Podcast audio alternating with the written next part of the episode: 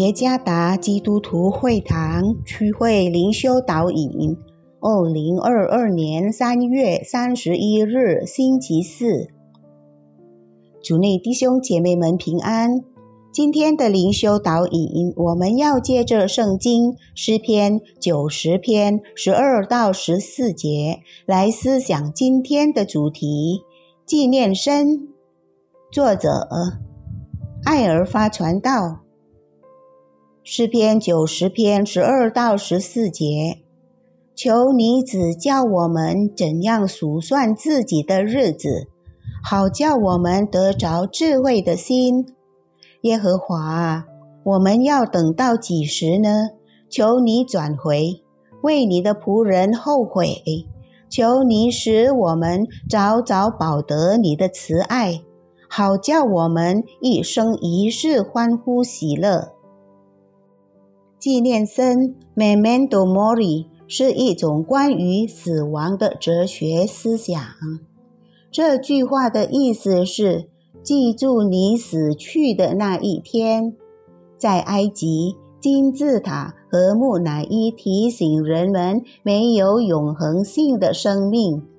同样，十四世纪和十七世纪的骷髅之舞和虚无。绘画中的颅骨、沙漏、腐烂的水果和花朵，作为时间和死亡的象征。古代人故意将颅骨放在办公桌上的情况也并不少见。这一切都在提醒我们：没有人知道我们能活多久。死亡随时可以影响人类。为什么有必要记住死亡的日子呢？记住死亡的日子会鼓励我们充分利用我们所拥有的时间。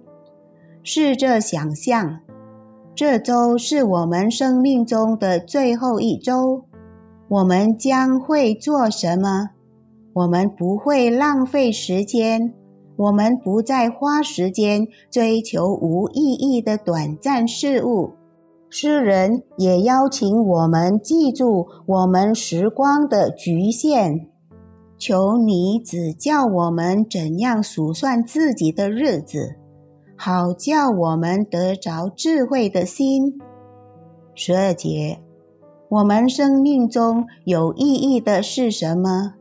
原来不是属世的财富、地位或荣誉。对于诗人来说，有意义的是神在他生命中的同在。唯有神才能满足他，唯有神让他每天欢呼喜乐。十四节。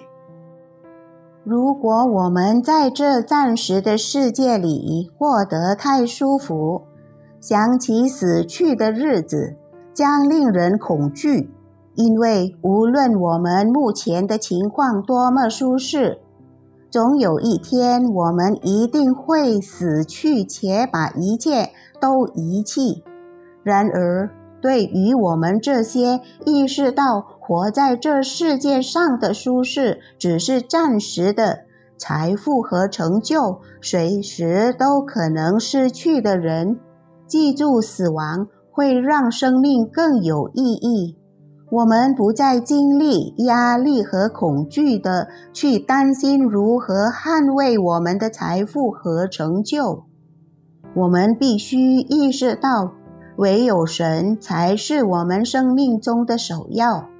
我们生命的目的只是为了荣耀他的名。思想死亡的日子。可以鼓励我们尽可能与神一起过有意义的生活。主耶稣赐福。